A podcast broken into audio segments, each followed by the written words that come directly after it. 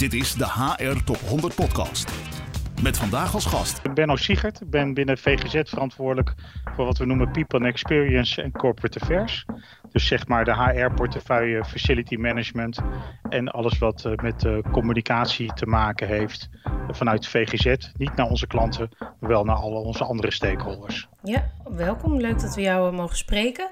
Um, voor de mensen die VGZ niet kennen, dat lijkt me sterk, maar misschien toch even, wat doen jullie precies? We zijn een uh, zorgverzekeraar. Uh, nou ja, in Nederland uh, uiteraard. De meeste zorgverzekeraars in Nederland opereren alleen in Nederland.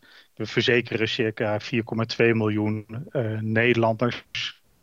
En doen dat via zinnige zorg. Ik las laatst in een onderzoek dat uh, 10% van de bedrijven rekening hield met een pandemie zoals we die nu hebben. Uh, waren jullie een van die 10% of helaas niet? Nee, nee. Als je me zou zien, zag je, zag je me nu ook hoofdschuddend zitten. Nee, eerlijk is eerlijk, dat hebben we niet voorzien. We hebben echt wel razendsnel gereageerd. Um, en ik heb mezelf ook wel eens afgevraagd, denk, oh, waarom heb ik het gewoon niet aanzien komen? Waarom hadden we geen draaiboek pandemie klaar liggen? Ja, feit is gewoon, dat hadden we niet. Nee, nee, nee. En um, hebben jullie die nu wel? Is het iets ja, wat... die hebben we nu een, wel. ja, precies. Een redelijk uitgebreide, waarin je, waarin je al die fases ziet. Uh, dat je, uh, zeg maar, je, we kwamen in één keer met z'n allen thuis te zitten. Uh, VGZ hoorde tot de bedrijven die dat goed voor elkaar hadden. Dus het was voor ons probleemloos overschakelen naar volledig vanuit huis werken. Um, en daarna zie je wel dat we uh, ja, alle faseringen van hoe je terugkeert naar kantoor, welke fases je daarin hebt, hoe je daarmee omgaat, dat we die heel nauwgezet beschreven hebben. Uh, en die stellen we nog steeds bij, omdat zodra het kan en zodra het verantwoord is, willen we ook weer voor een deel terug naar kantoor. Ja, ja. en hè, wanneer hou je, met welk scenario houden jullie rekening nu? Wanneer dat weer kan? Ja, eigenlijk leven we van persconferentie naar persconferentie. Dus op het moment dat de cijfers het toelaten, uh, gaan we weer beperkt terug naar kantoor. Uh, we hebben altijd de kantoren open gehouden, ook nu nog. Uh, nu zijn de kantoren open voor die mensen die het echt nodig hebben. Dus die thuis in het nauw komen, omdat ze niet de juiste ruimte hebben. Of omdat de situatie thuis het gewoon echt niet toelaat. En er is een beperkt aantal mensen die moeten voor hun werk naar kantoor. Maar op dit moment is de bezetting op kantoor nou, ongeveer 4, 5 procent. Uh, en in de periode zeg maar, uh, van zomer hadden we uh, een bezetting van om en de 10 procent, 10, 15 procent. En ik zou zodra het, zodra het kan, zou ik ook wel weer naar die 10, 15 procent terug willen. Ook omdat je mensen dan de gelegenheid biedt om thuiswerken en op kantoor werken af te wisselen. Wat voor heel veel ontspanning gewoon zorgt. Ja, ja, want wat krijgen jullie terug van medewerkers over hoe ze het ervaren op dit moment? We houden echt uh, regelmatig uh, onderzoeken onder medewerkers. Dan zie je dat uh, 80% van de medewerkers geeft aan dat het ze gewoon nu goed afgaat. Maar 20% van de medewerkers, het was 18, geeft ook aan dat ze het echt wel zwaar vinden. En als je diezelfde vragen stelt uh, met het vooruitzicht dat je de komende zes maanden nog verplicht vanuit huis moet werken, dan zie je dat dat laatste percentage, dus de mensen die het echt zwaar vinden, dat dat stijgt tot uh, ongeveer 30, 35 procent. Maar dat betekent dat nu ook al één op de vijf collega's het best pittig vindt. Uh, en dat betekent ook dat we daar wel zorgen over hebben. En daar, nou ja, allerlei acties voor moeten bedenken over hoe we dat beter kunnen doen voor ze. Ja, en, en heb je inzicht in wat het zo pittig maakt voor ze? Is dat, is, zijn het een beetje dezelfde uh, groep mensen? Bijvoorbeeld ouders van jonge kinderen? Of, uh... Het zijn, zijn dit keer vooral de jonge mensen. Uh, in die eerste periode, want je kan corona een beetje in twee delen splitsen. In die eerste periode zag je dat het vooral de mensen waren met, met jonge kinderen. Uh, die moesten opeens thuisonderwijs geven. Iedereen moest van alles bedenken, moest van alles nog regelen. En nu in deze periode zie je uh, dat het vooral ook uh, jonge mensen zijn. En mensen die net gestart zijn bij je bedrijf. Die vinden het ook best pittig om alles online te moeten doen. Ook online onboarding. Um, en voor de rest, de ouderen gaat het best aardig af op dit moment. Ik denk ook omdat ouderen over het algemeen wat ruimer gehuisvest zijn bij ons dan de allerjongste medewerkers. Ja, ik kan me wel voorstellen. En wat kun je doen voor die groepen, voor die, voor die jonge mensen bijvoorbeeld wat, en, en die nieuwe mensen? Vooral uh, dus het sociale contact. Uh, dus we moedigen mensen ook aan om elkaar te ontmoeten. En dat kan virtueel natuurlijk. maar we vinden dat er ook niks mis is om met iemand een lunchwandeling te maken. Of om collega's in, die bij jou in de buurt wonen op te zoeken om een wandeling te maken en eens bij te praten. Dus dat, dat stimuleren we. Waarbij we altijd benadrukken dat mensen de afstand moeten bewaren. Onnodige reisbeweging als het kan moeten voorkomen. Waarbij ik er geen bezwaar tegen heb wanneer je met de auto van A naar B gaat is dat hartstikke veilig. Ehm, dus vinden we dat oké. Ja, ja, dus vooral het regelen van toch hè, op een veilige manier elkaar zien af en toe. Ja, en in die eerste periode bestond uh, de manier, zeg maar, was het uh, de hart onder de riem acties die we deden. Dat bestond soms uit kleine cadeautjes, verrassingen voor medewerkers. maar ook uit het snel beschikbaar stellen van budget om je thuiswerk, thuiswerkplek verder in te regelen. Um, en nu zie je dat in die tweede fase, we hebben net een portal live gezet, waarin mensen volledige thuiswerkplekken kunnen bestellen. Met nou ja, beeldschermen, met verlichting, een plantje, een goede bureaustoel, dat soort zaken. Die bij je thuis worden afgeleverd en geïnstalleerd. Omdat uit die onderzoeken kwam ook naar voren dat echt aan een um, arboproef werkplek de grootste behoefte was. Uh, nou, dat is dan een van die dingen die we nu ook hebben ingevuld. En verwacht je ook dat, uh, hè, want dat is natuurlijk best een investering, zo'n werkplek, dat, dat mensen ook na de coronacrisis thuis meer thuis blijven werken? Dat is wel leuk dat je dat vraagt. We hebben net een, um, uh, ja, een onderzoek, een project afgerond. Uh, wij noemen dat samenwerken bij VGZ na de corona-revolutie. Um, en dat gaat over hoe kan VGZ de corona-ervaringen inzetten als gamechanger. En ook hoe gaan we het nieuwe samenwerken vormgeven. En uh, nou, daar hebben we een, een, heel aantal dingen onderzocht over wat we willen gaan doen. Een van die dingen is bijvoorbeeld dat we een uh, remote work index hebben ontworpen. Waarin we hebben onderzocht welke activiteiten van medewerkers, maar ook überhaupt welke activiteiten van VGZ zich lenen voor thuiswerken of op kantoor werken. En je ziet daarin dat sommige activiteiten lenen zich beter om thuis, te, uh, thuis uit te voeren dan op kantoor. En uit die remote work index blijkt dat tussen de 40 en de 70 procent eh, van de werkzaamheden zal thuis gaan plaatsvinden straks. En dat is een beetje afhankelijk. Je ziet dat een afdeling, zeg maar rondom ICT, die werken straks veel meer vanuit huis. En mensen met klantcontact, die werken iets minder vanuit huis. Maar nog steeds verwacht ik dat iedereen tenminste 40% vanuit huis kan werken. Dat is best veel. Ja, dat betekent ook wel een grote verandering. Uh, grote verandering in reizen. Dus ook CO2-uitstoot, dat is een mooi voordeel. Maar betekent ook verandering in uh, de manier waarop je je panden gebruikt. Betekent ook een verandering in leiderschap. Want hoe geef je het nou leiding aan een team wat grotendeels op afstand werkt? maar ook, het, het zegt ook iets over de manier waarop samenwerken gaat veranderen. Dus op die vier assen. Mm. En nou ja, daar wil ik natuurlijk meer over weten, over wat dat precies betekent. bijvoorbeeld leiderschap. Wat, wat, wat, is leiderschap op afstand? Wat, is, wat maakt dat anders?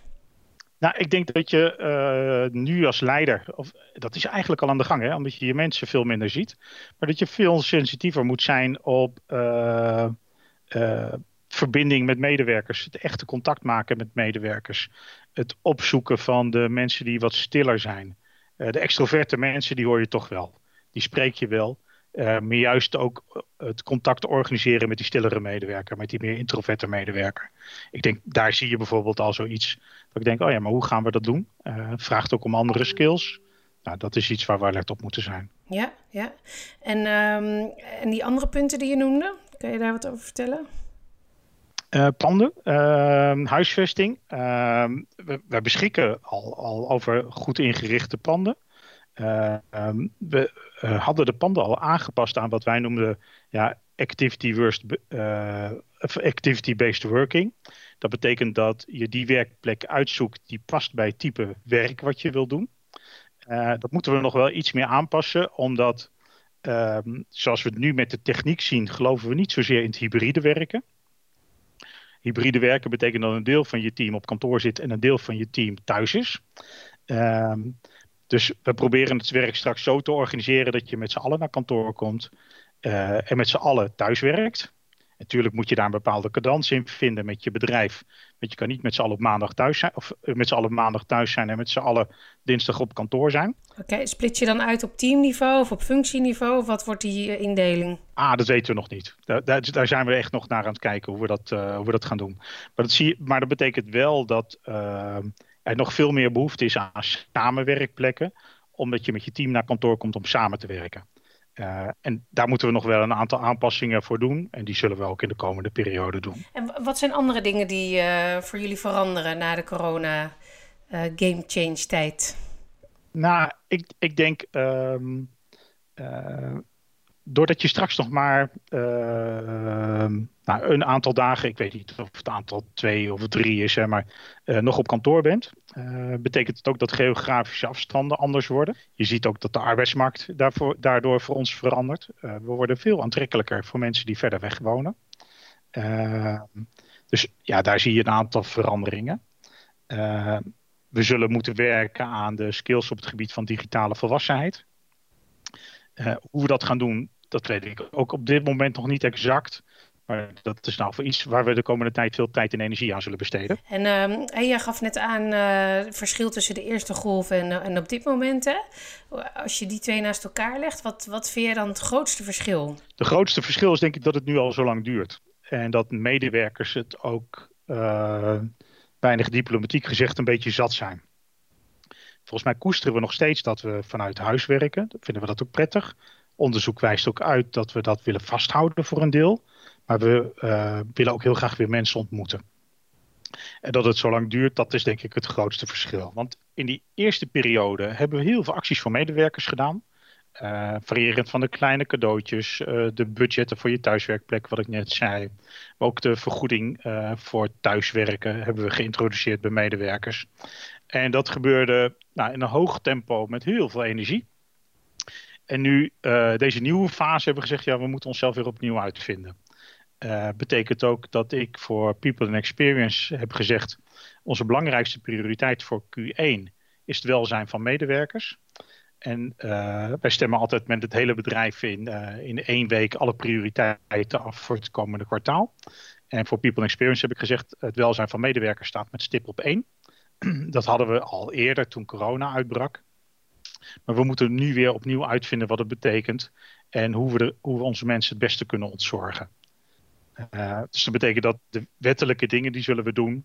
En daarnaast alleen maar activiteiten die geënt zijn op ja, welzijn en gezondheid van medewerkers. Ja, en dat gaat dan over goede werkplekken en het in contact zijn met elkaar. Of uh, dat zijn dat soort dingen, neem ik aan. Ja. terugkeer naar kantoor. Uh, hoe, hoe, hoe, kan je collega's die bij jou in de buurt vinden of wonen, vinden om ze op te zoeken? Nou, dat soort zaken. En, en, je zei aan het begin van de podcast dat je ook verantwoordelijk bent voor communicatie, hè? interne communicatie. Um, dat is denk ik ook een heel belangrijk onderwerp geweest in, de, in het afgelopen jaar. Ja, en, en wat je daar zag, als je dat ook weer koppelt aan leiderschap, uh, zichtbaarheid was een van die, van die onderwerpen die extreem belangrijk is in deze periode. Uh, zeker in dat begin, maar ook nu. Uh, eh, zichtbaarheid van uh, je topmanagement. Uh, we hebben dus ook direct heel veel webinars georganiseerd. Vraag maar raaksessies met raad van bestuur. Uh, we waren sowieso al gewend dat na iedere vergadering van wat wij noemen het management committee, zeg maar het hoogste management VGZ, dat we alle medewerkers bijpraten over wat daar besproken is. En waar mensen ook vragen kunnen stellen. Nou, dat hebben we direct uitgebreid met de vraag maar raak sessies om op die manier contact met medewerkers te onderhouden. En ja, daar is die samenwerking tussen People and Experience en Corporate Affairs erg belangrijk. En dan is het ook prettig dat dat uh, tussen aanhalingstekens in één, in hand is. Ja, ja, ja, dat kan ik me voorstellen inderdaad. Dat is een mooie combinatie sowieso. Hè? Ook met uh, facilities erbij heb je natuurlijk een prachtige combinatie aan, uh, uh, aan onderwerpen te pakken, kan ik me zo voorstellen in deze afgelopen tijd. Ja, ik, ik zou bedrijven die, die als, het kan, als het kan, zou ik zeggen, adviseren om, uh, om die combinatie te maken.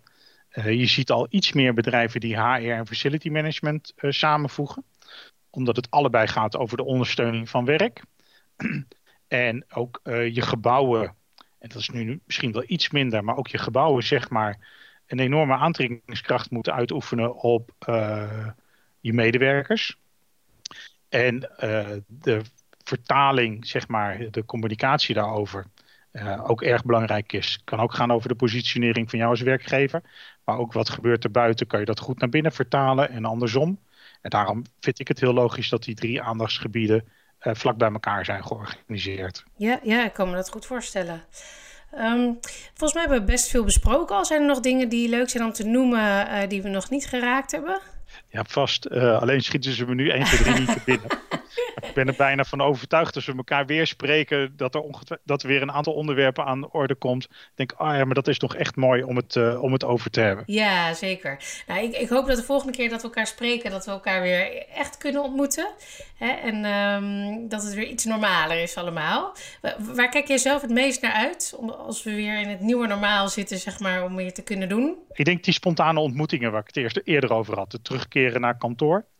En uh, gewoon mensen gewoon uh, spontaan tegenkomen. Uh, even, even bijpraten. Ehm, nieuwe ideeën samen bedenken. daar kijk ik naar uit. Het klinkt heel misschien raar, maar gewoon een, een knuffel van je kinderen die op kamers wonen dat mijden we nu. Uh, dat zou ik ook echt geweldig vinden. Nou, dat kan ik me heel goed voorstellen, ja. Nou, dan, dan gaan we ervan uit dat de volgende keer dat we elkaar spreken, dat dat allemaal weer mag. Lijkt me een ja. mooi idee. Heel erg bedankt voor het delen van uh, je verhaal. Dit is de HR Top 100 podcast.